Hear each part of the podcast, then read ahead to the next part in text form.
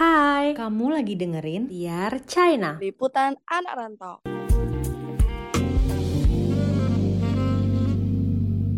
Tadi Catherine udah jelasin tentang beberapa jurusan yang Catherine tuh ada di kampus gitu kan, terutama di jurusannya eh terutama mata pelajaran yang hitung-hitungan, terus simple uh, bisnis-bisnis kayak sampai kotak-kotaknya juga harus kita tahu dalam bahasa Mandarin tuh apa. Nah, gimana Catherine itu menyiasati belajar semua itu dalam satu waktu dan nanti bakal ikut ujian?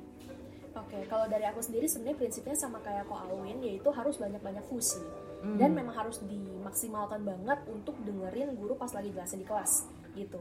Jadi kita nggak bisa yang namanya ah ya udahlah dengerin dulu ntar pulang baru kita belajar lebih dalam nggak bisa.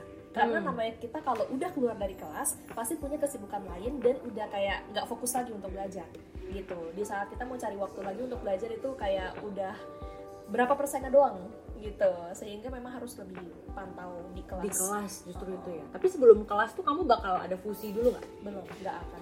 Nggak akan fusi dulu. Oh berarti juga nggak yang se itu gitu banget gitu ya? Maksudnya kayak ya udah di kelas aku tetap berat. Tapi kalau misalnya nggak mudeng waktu nggak ngerti si gurunya. Jelasin gimana apa yang kalau kamu lakuin? Pasnya ke uh, habis kelas oh, oke oke oke. Jadi lebih aktif sama ya sebenarnya kalian kayak pokoknya kalau bisa nanya aku bakal nanya gitu yeah. ya. Oh oke okay, oke okay, oke. Okay. terus terus belajar membagi waktu untuk semuanya itu terus selain fusi-fusi? Sebenarnya lihat kembali kepada jadwal kita masing-masing ya tapi overall untuk sampai saat ini pembagian waktunya masih oke okay, gitu hmm. karena kebetulan ngajar aku sendiri juga masih bisa diatur jamnya ada beberapa jadwal yang kalau misalnya kita nggak bisa di jam ini yang penting kita lihat aja yang mana guru sama muridnya dua-duanya sama-sama bisa gitu jadi sama-sama enak memang sampai sini karena kita beda banget sama online kalau di online itu kan kita di rumah semuanya bisa kita kerjakan betul betul semua betul. via online valid hmm. sumpah hmm. ya valid banget uh, uh. Kayak hari ini misalnya aku ke sini dari Jangan tuh dua jam ntar iya. balik lagi. Nah itu ntar ngajar lagi. Jadi pindah-pindah tempat itu makan waktu. Bener aku juga ngerasa kok kenapa ternyata di online tuh lebih lebih apa ya lebih enak aja. Kita nggak keluar nggak keluar ke rumah tuh eh nggak keluar rumah juga ya udah aman-aman aja kerjaan kita. Kadang kan kalau di sini kan kita pengen explore tempat kita pengen apa habis itu ngerjain itu emang lumayan makan waktu dan itu salah satu tantangan kita sebagai kayak mahasiswa rantau gitu gitu ya hmm, tapi kamu kayak yang misalnya vocab itu kamu kayak nulis lima kali atau kayak uh, problem ada ada ada pertanyaan yang nggak ngerti kamu kayak gimana caranya mecahin grammar ini gitu gitu. Atau mungkin di jurusan kamu udah nggak belajar grammar lagi? Masih ada. Kalau masih soal ada. grammar masih ada. Karena kan tadi ada yang Cing Mau Han itu kan hmm. kan pertama yang kita belajar grammar banyak di situ. Nah, tapi kalau misalnya kita nggak paham nih sama grammarnya setelah udah tanya guru misalnya kita masih nggak paham kita bisa itu hmm. kita cari-cari contoh-contoh kalimat penjelasan dari orang mau dia pakai uh, semacam video YouTube kah gitu ya atau dia pakai sistem tulisan itu bisa kita tanyakan hmm. berarti kamu dalam satu waktu pas setelah jam apa jam pulang sekolah itu kamu langsung fusi atau kayak take, take your time dulu makan makan dulu atau apa dulu gitu kan jujur sampai sekarang aku belum ada sama sekali waktu fusi. Wow iya iya. Tapi emang bener sih relate banget. Karena kayak pas pertama kalinya tuh aku rasanya kayak liburan terus. Apalagi yeah. waktu itu aku datangnya pas liburan. Jadi bener-bener pas udah masuk nih udah sangka kayak oh ya ini jangan lupa aku kuliah aku kuliah iya, aku kuliah bener, gitu. Bener. kok pengen muter-muter terus gitu kan. Bener-bener bener jadi lebih banyak perhatiin di kelas justru yang bener-bener ya udah perhatiin banget baru nanti fusinya ya belakangan gitu ya. Oke oke oke oke oke. Gitu gitu gitu. Um, lanjut ya. Berarti dari cerita-cerita kalian tuh seru banget sebenarnya. Kayak bener-bener aku juga banyak banget nih insight baru yang yang kalian dari POV yang berbeda itu tadi kayak aku bilang di awal jadi aku banyak banget dapat insight yang berharap yang denger juga bakal nerima itu banyak ya. Apalagi yang baru belajar Mandarin atau yang sedang struggle kayak aku. Kayak aku lagi mencari cara gimana sih enaknya gitu kan.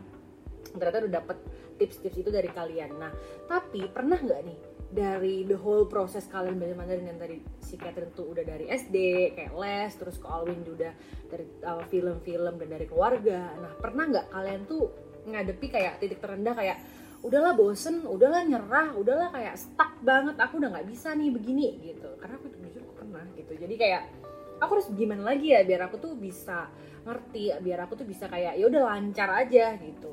Pernah nggak kalian? Dan boleh nggak sih share ke kita kita titik terendahnya dan waktu itu kalian ngelakuin apa gitu? Kalau aku sebenarnya titik terendah itu paling kerasa pas lagi latihan HSK karena namanya kita kalau mencoba HSK apalagi di satu level dua level di atas kemampuan kita itu sangat berasa banget. Hmm. di saat kita misalnya udah biasa nih dapat nilainya bagus terus nih nah terus nanti kita tiba-tiba tes terus kayak anjlok tiba-tiba.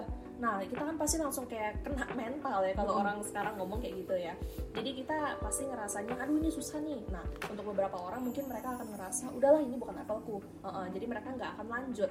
Tapi justru untuk aku dan lebih disarankan juga kepada teman-teman di saat kita ketemu kesulitan satu level di atas kemampuan kita. Justru kita harus belajar gimana untuk sampai lompat di level itu. Uh, menyamai level itu kalau bisa di atasnya lagi. Nah jadi titik terendahku di saat itu. Dan memang saat kita kuliah namanya setiap hari kelas setiap apa uh, meskipun tetap ada break setiap minggunya kita ada weekend gitu ya mau ke mana tapi tetap aja kadang ngerasa jenuh. Aduh ke kelas lagi gitu kan. Nah terus nanti kita mikir aduh sama guru ini lagi gitu. Dan kayak ngebaca kewen atau tulisan yang sebanyak itu Iya. seribet itu. Nah itu kan kadang kayak aduh malas. Gini garis-garis lagi pleko lagi. Nah Hmm. itu tuh kalau untuk membaca aku juga paling sebenarnya paling males sih bisa dibilang paling males itu dalam membaca gitu ya.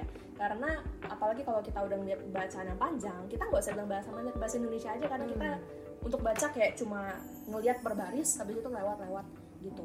Oh, kalau untuk tips aku mungkin ini mirip juga dengan HSK ya. Jadi misalnya kalau di reading comprehension kita baca dulu kepada uh, soal nah, kemudian baru kita baca teks gitu jadi sambil nyari jawaban Hmm. begitu sih itu kalau misalnya uh, supaya nggak makan waktu tapi kalau kalian punya banyak waktu mau nggak mau uh, uh, dan kumpulin mood juga kita baca per barisnya itu cari kosakatanya jadi kita bisa belajar banyak kosakata baru Hmm, oke oke. Jadi seorang Catherine pun juga pernah mengalami titik terendah apalagi pas di HSK.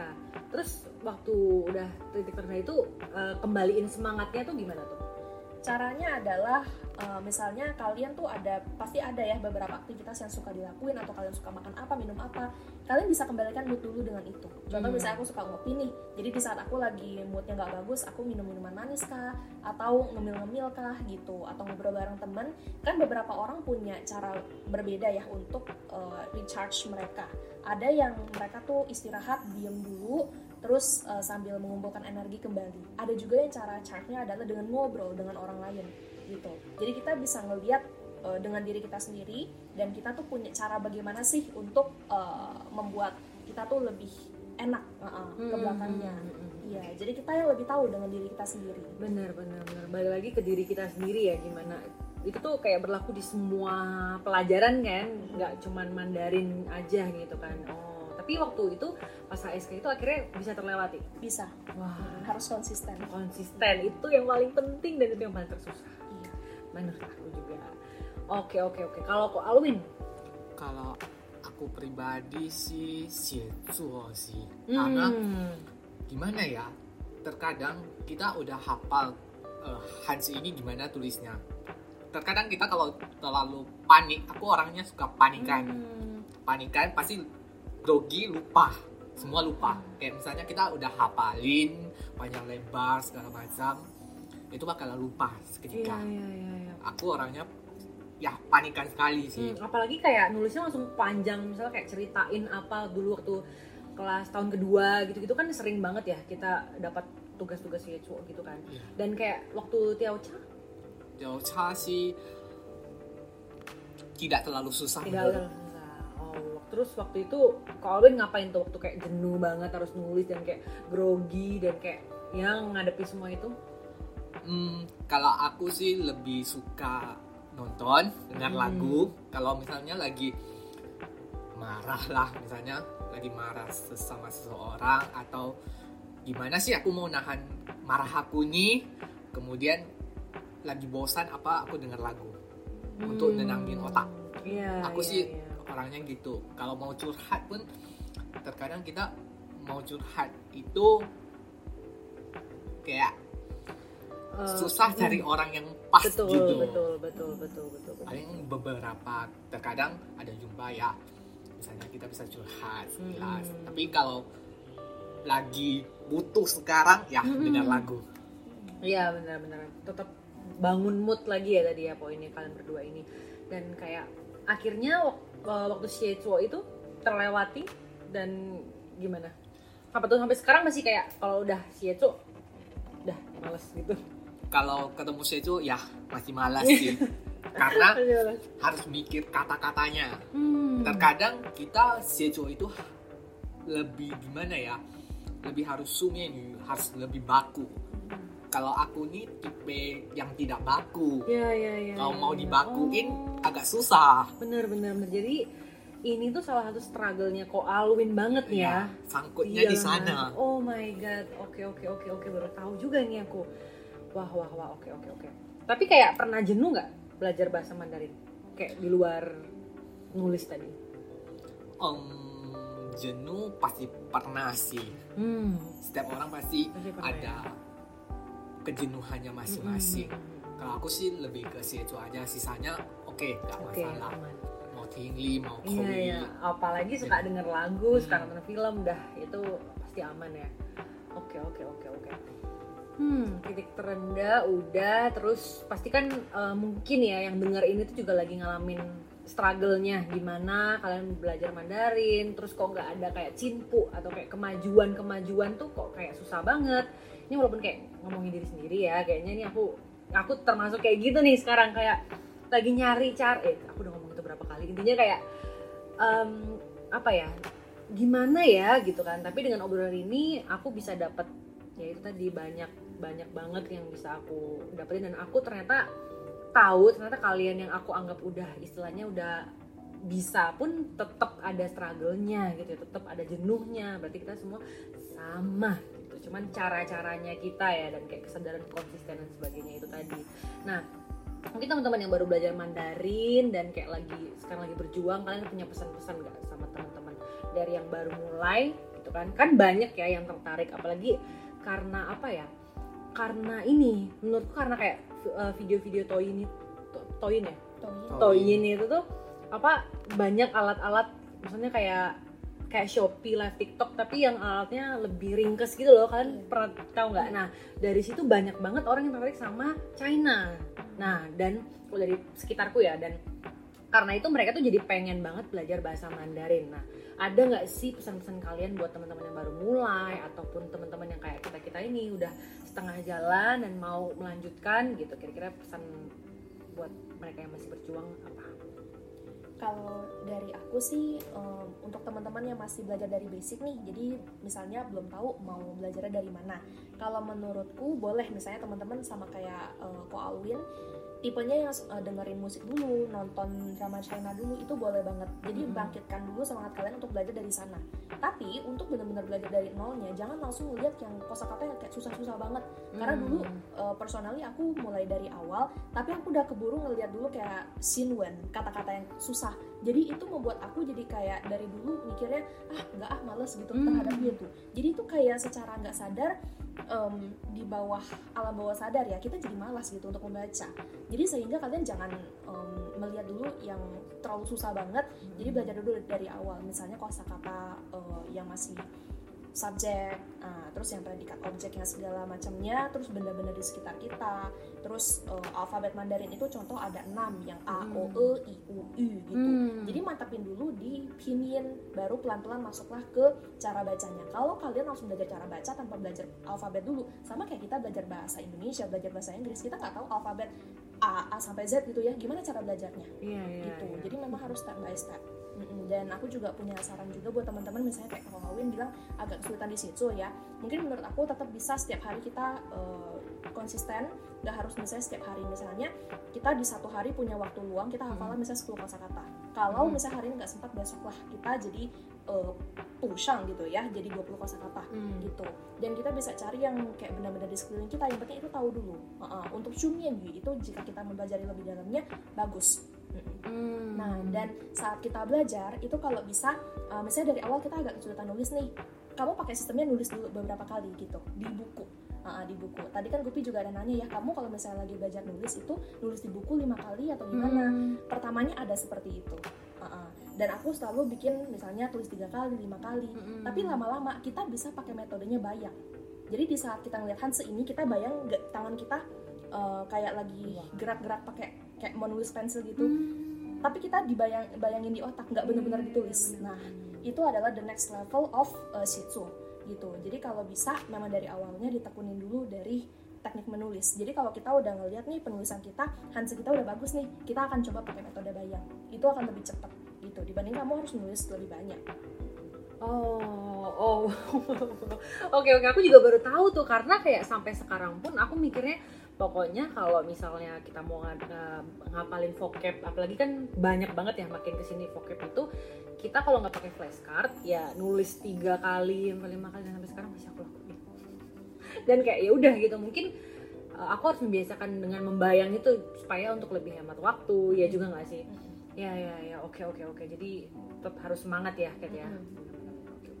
Kalau dari Ko Alwin, dari aku sih kita harus punya niat sih hmm, itu yang paling penting. ya itu yang paling penting. Kalau tak ada niat itu bakalan sulit sekali untuk belajar. Mm-mm. kalau aku sih mau dibilang ada niat 50% Mm-mm. bilang tidak ada niat 50% juga. 50-50 kalau aku sih lebih banyak ke Koi sama Tingli karena dari nonton kita bisa belajar Tingli Tingli kita lebih bagus kalau Koi ini walaupun kita salah ngomong kita harus berani sih harus berani berbicara Iya iya. terkadang kalau misalnya kita ngomong salah nanti lawan bicara kita bisa bantu kita koreksi Hmm. kalau aku pribadi ya kayak aku suka bicara sama anak Thailand lah Laos, Myanmar atau siapa pun kadang mereka ada menggunakan kata yang salah Mm-mm. aku bantu perbaiki ini loh ini gak boleh bilang kayak gini bilangnya harus kayak gini Mm-mm. aku sukanya kayak gitu terus kadang supaya mereka tinggi koinnya bagus juga aku nggak suka pakai ketik-ketik aku lebih Iya. suka pakai langsung ngomong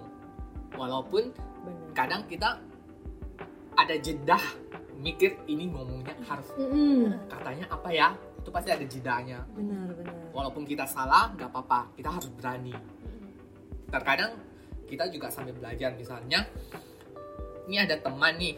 Dia tazi. Mm-mm. dia ada salah hanzi.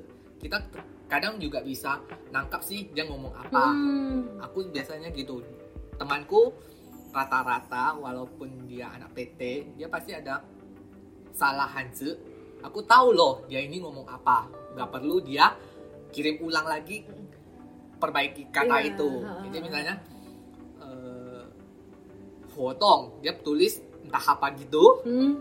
aku nangkap oh dia bilangnya ini oke.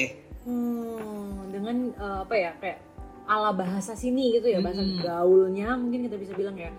Tapi kalau tetap masih bisa dapet gitu ya intinya. Iya, Oh my kita- God sebenarnya kita kalau mereka ngomongnya panjang lebar kita Hmm. nggak perlu semua harus paham kita harus nangkep inti dia aja kayak misalnya dia bilang eh, 这个活动明天要举办 Hmm. ya kita 活动举办oke 明天oke nggak perlu harus semua kita paham Hmm, hmm, hmm, hmm. Oke oke oke oke benar. Tapi kayak em, iya sih benar. Apalagi kayak kita ngomong sama orang-orang sini tuh pasti tiap misalnya aku di ke, ko- ke toko ini sama ke toko B A dengan B tuh cara ngomongnya pasti beda kan. Kayak kalian pengal- pengalaman-pengalaman sama orang-orang sini ada nggak? Gimana? kalau aku sih Apalagi agak kok Halloween nih yang aku sih berhari-hari. agak shock sih Hmm, beda ya. pertama kali sampai di Susa itu tanggal 30 kan aku datang Hmm. sampai di situ AI-nya AI Susa AI dia ngomongnya kayak lagi pesawat gitu. Cepat kali. Ah. Oke. Aku ngambil intinya aja. Nggak usah. Dia ngomong laju kali. Aku ya, oh, Beda sama yang di film-film ya? ya beda banget. Wah. kayak film itu bisa dia agak pelan Hmm. terus kita bisa paham kalau susah AI itu ngomongnya laju kali Mm-mm. jadi kita harus nangkap beberapa yang dia ngomongin terus kayak aku ada kenalan banyak anak PT itu mereka ngomongnya juga laju kadang kita ya kita nggak perlu harus seperti yang aku bilang tadi Hmm. itu kita nggak harus pahami semua kita intinya saja Hmm, tapi kagetnya ada ya. kagetnya ada kok Hmm. di sini kayaknya mereka ngomongnya pelan tapi Hmm. Sini kok laju Hmm, Nah, hmm. itu agak agak shock sih aku Wow, wow, wow, iya, iya, iya, bener, bener, bener, agak beda, bener, bener, bener. Terus apa kalau sekarang ini udah bulan keberapa berarti? Eh, sekitar dua, Dua bulan, mm-mm. dua bulan Gimana? Udah mulai terbiasa dengan kupingnya?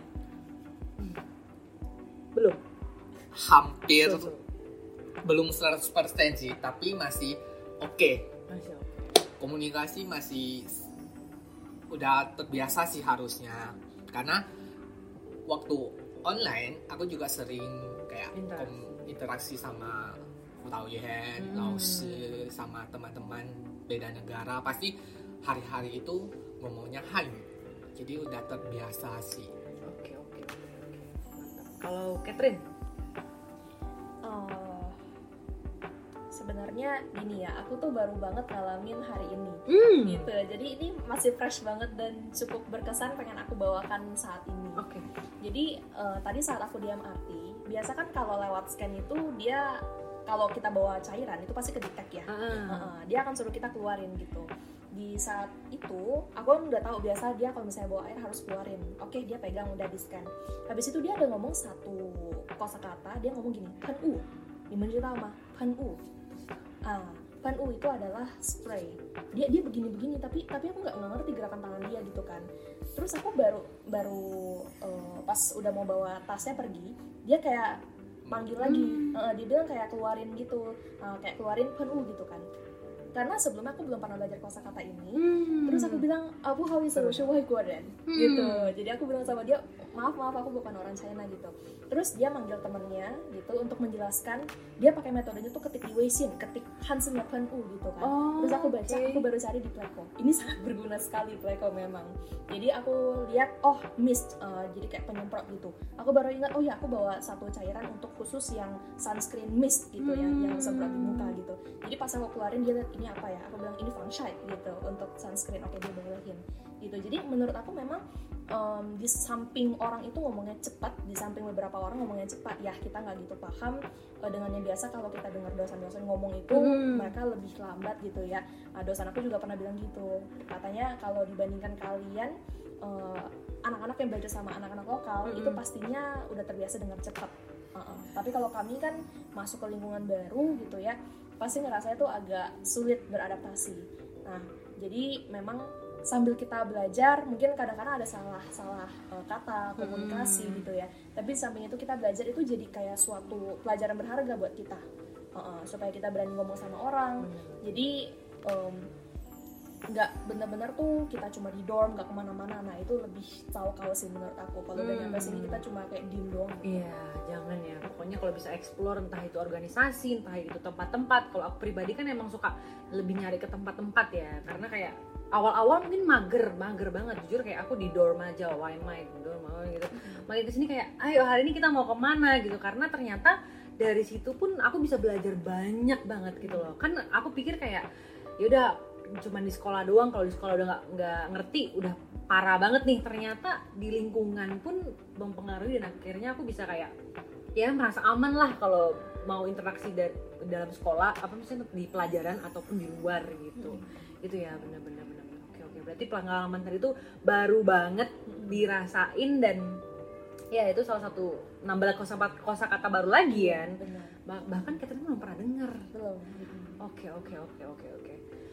Oke, seru banget ngobrol sama temen-temenku yang keren-keren ini. Thank you banget loh buat waktunya. Ini udah panjang banget dan pasti ada part-part selanjutnya. Em, mungkin segitu aja dari aku dan semoga kalian nggak kapok untuk kita undang di layar China lagi. Semoga eh, semoga tetap terus dengerin ya, dengerin juga kalau udah jadi dan kritik sarannya kita terima kok. Thank you buat Catherine, buat Ko Alwin gitu mau ada pesan-pesan terakhir mungkin?